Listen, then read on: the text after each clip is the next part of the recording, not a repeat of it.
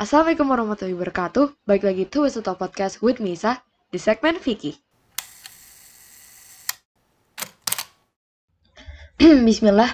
Innalhamdulillah nahmadu wa nasta'inu wa nastaghfiruh wa na'udzu billahi min syururi anfusina wa min sayyiati a'malina may yahdihillahu fala mudhillalah wa may yudlil fala hadiyalah. Bismillah, Assalamualaikum warahmatullahi wabarakatuh. So back again to Wisata Podcast with Misa. Hai. So insyaallah di episode kali ini kurang tahu sih ini mau jadi episode aja atau ada segmennya karena belum sempat dirapatin tapi udah direkam duluan. Avanjit dan nih tim ya jadi oke okay, long story short asik. Pakai bahasa Inggris ya? Enggak nih jadi kurang lebih beberapa minggu nggak minggu sih nggak tahu akhir-akhir ini lagi tertarik banget sama Vicky. Nah jadilah saya bertanya kepada tim gitu kayak eh kalau kita bikin Vicky asik nggak sih? Karena kayak sebenarnya Vicky itu penting. Dan entah kenapa karena sempat kemarin itu aku ngisi untuk keputrian di boarding. Dan itu temanya kayak ilmu Vicky gitu Vicky wanita. Jadi kayak kok jadi pengen lagi bahas tentang ini? Sama lumayan belajar-belajar dikit. So ya mungkin hari ini kita bakal belajar mukadimah dulu lah dari ilmu Vicky nanti menyusul dengan tak mungkin partner yang lain mau ngisi atau materi lain. So, bismillah, kita mulai ya. Oke, okay. sebenarnya Vicky itu apaan, Sa? Maksudnya kan di sini mungkin ada yang tahu.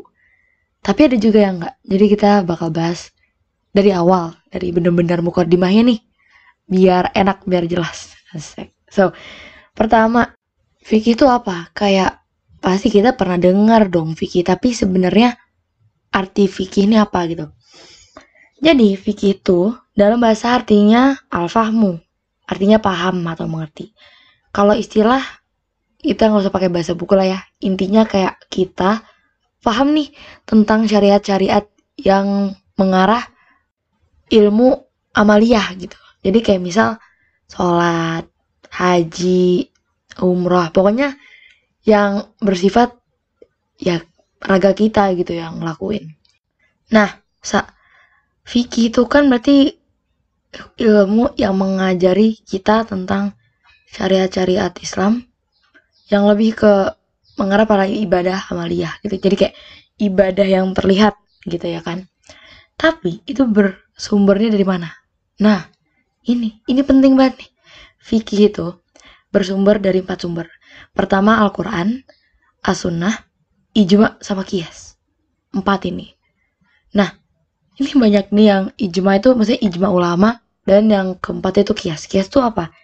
Kias itu berasal dari akar kata kosa yakisu kiasan. Artinya tuh pengukuran. Kalau kurang lebih dijabarin itu tentang mengetahui ukuran sesuai dengan apa yang semisal dengannya. Nah, itu kan tadi sumbernya nih sumber fikih ini dari mana? Sekarang pokok bahasan ilmu fikih. Bahasan ilmu fikih itu ada hukum ibadah yang tadi udah aku kasih tahu ya kayak sholat, puasa, haji, terus muamalah. Terus itu tuh muamalah tuh kayak berupa akad, pengelolaan, hukuman, tindak kriminal, benda, dan banyak lah ya. Yang tujuannya tuh mengatur hubungan habluminanas kayak manusia sama manusia.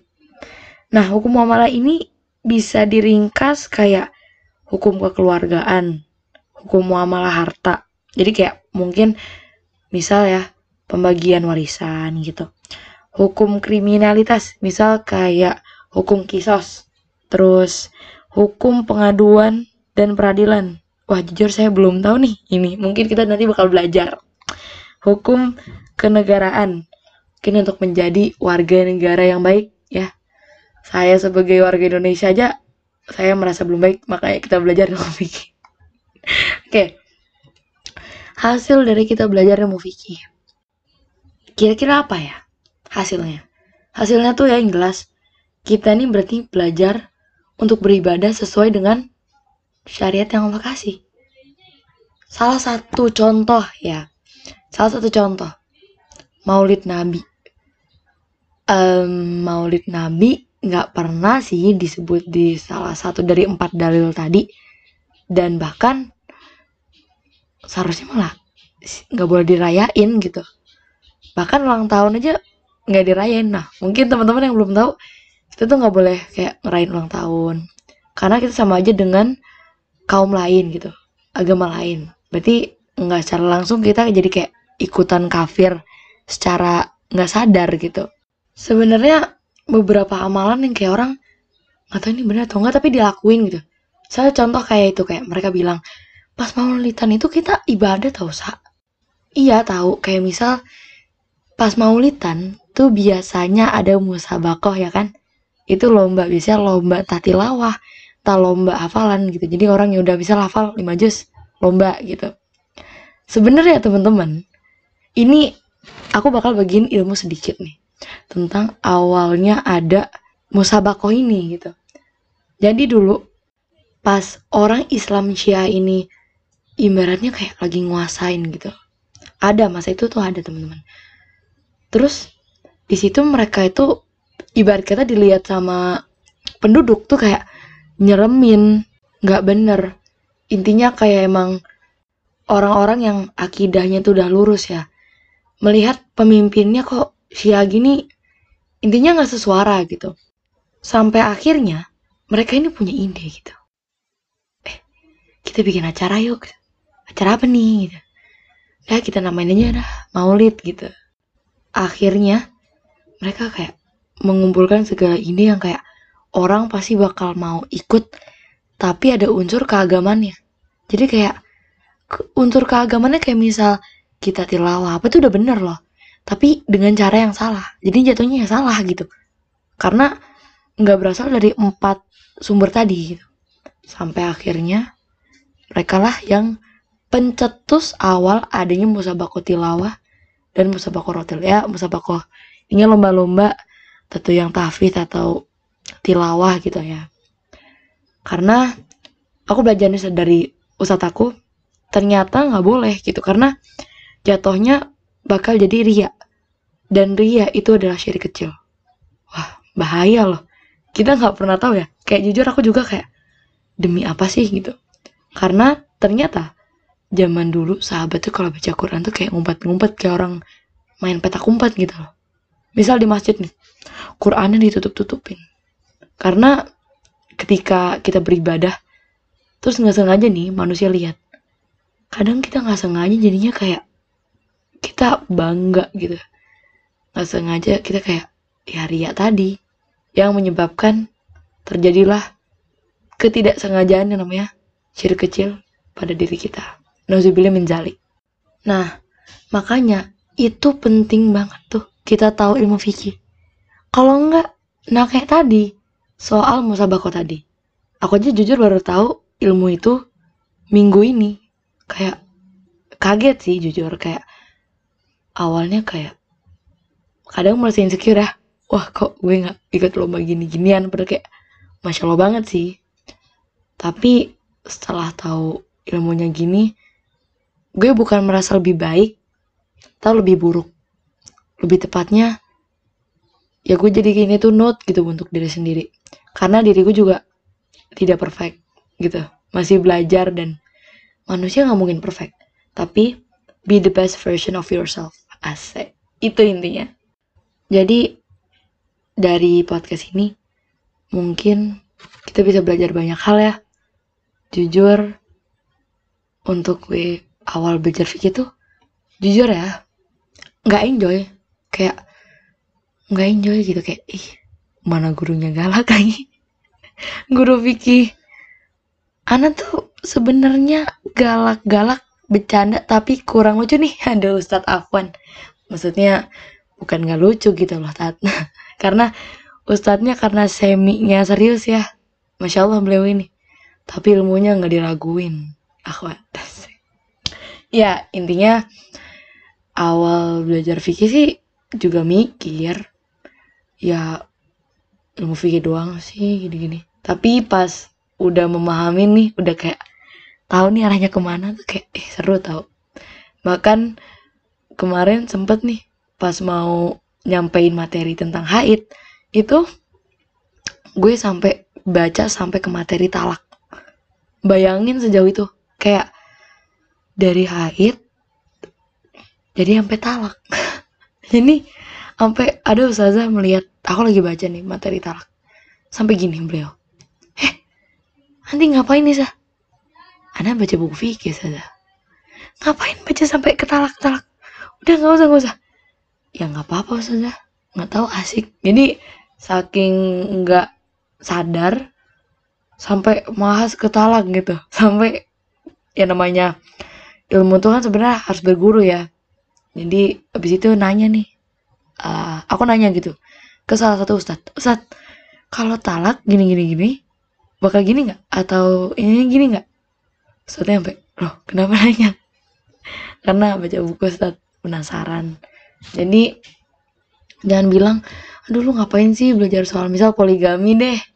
Ini pasti perempuan kalau diomongin poligami tuh kayak aduh mengengsek gue nggak bisa. Ya gue juga sebagai wanita gue juga nggak mau didoain. Tapi maksudnya gini kita belajar sebuah ilmu apalagi agama ya karena sesungguhnya orang yang bodoh dalam ilmu agama tuh kayak dosa loh orang bodoh tuh apalagi ilmu agama tuh dosa gitu kalau ilmu dunia oke okay lah karena nanti malaikat nggak bakal nanya sih kayak misal rumus matematika GOF apa atau usaha apa, gaya apa, atau kimia deh, ikatan ion atau kovalen.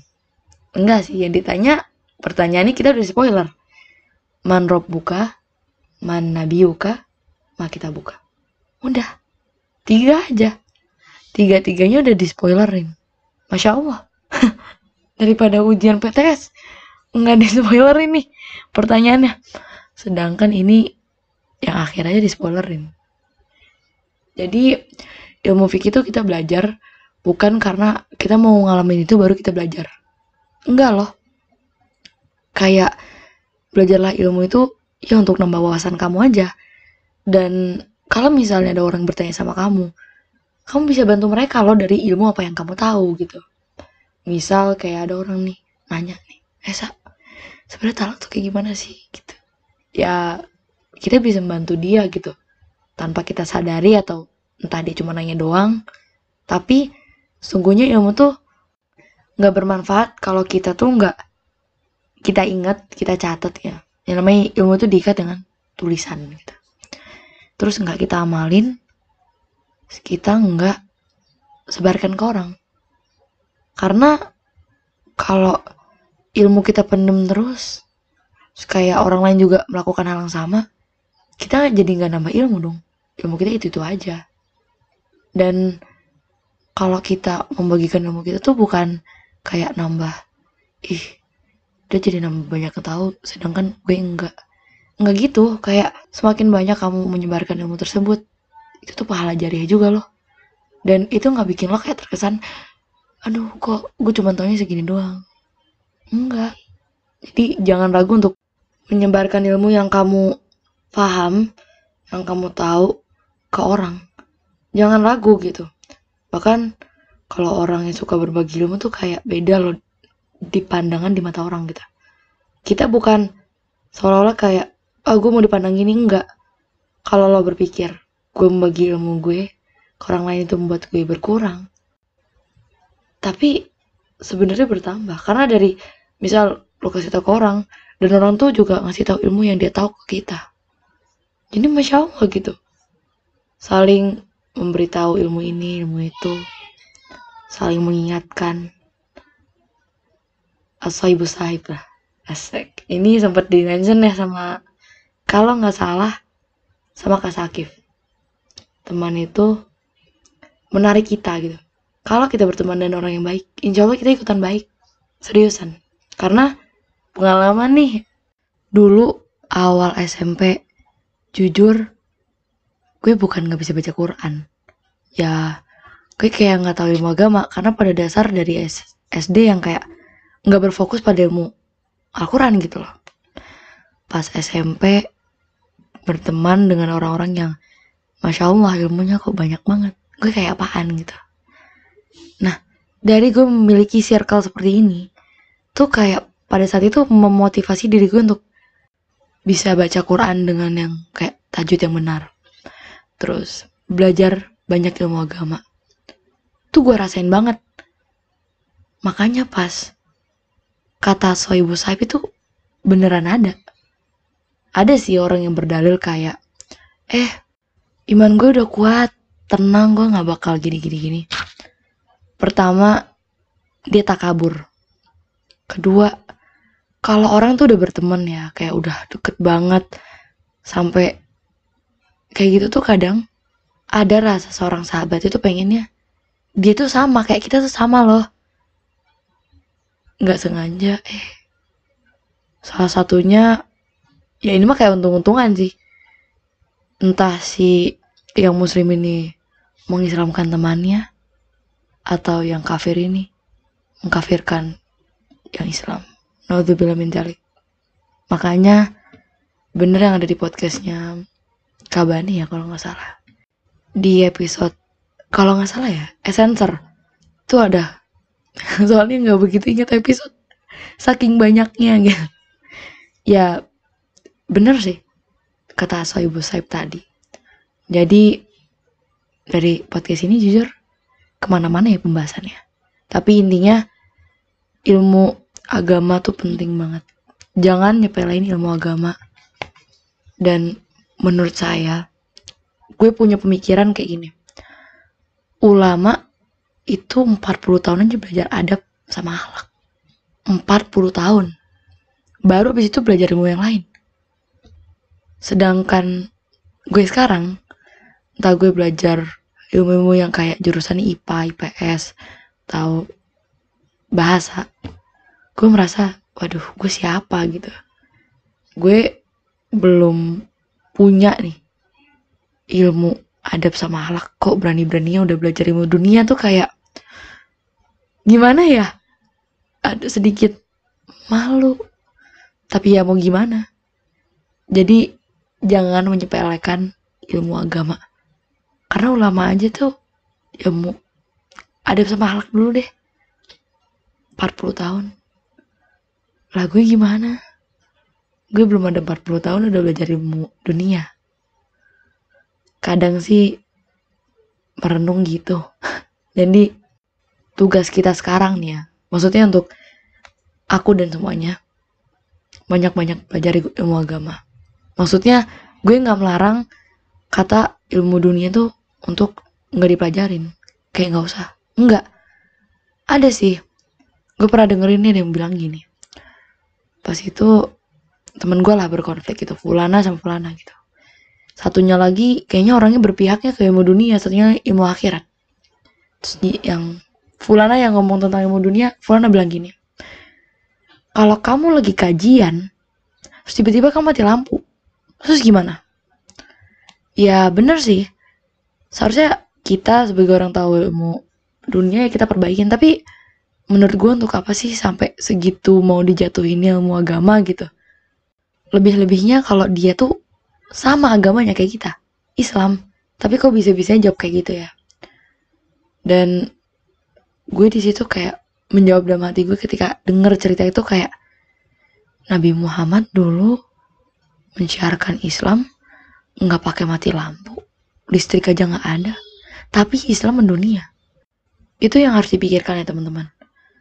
Jadi kayak jangan karena kalian ini punya perbedaan pendapat sampai berlebih lah kayak gini Terus dia nggak sengaja tuh kayak jatuhin ilmu agama tuh kayak Nauzubillah min zalik. Jadi jangan sampai ya. Ya itu sih banyak cerita nih di podcast ini yang insya Allah mendatangkan ibroh buat teman-teman. Jadi mungkin itu podcast untuk Mukodimah Fikih kali ini. Gue harap kita bisa banyak belajar dan Ana mau bilang afwan jiddan kalau misalnya ada kata-kata atau kalimat yang menyakiti hati kalian karena pada dasarnya kesalahan berasal dari aku dan syaiton dan kebenaran hanya dari Allah Ta'ala. So, Isa pamit undur diri and see you in the next Vicky. Wassalamualaikum warahmatullahi wabarakatuh.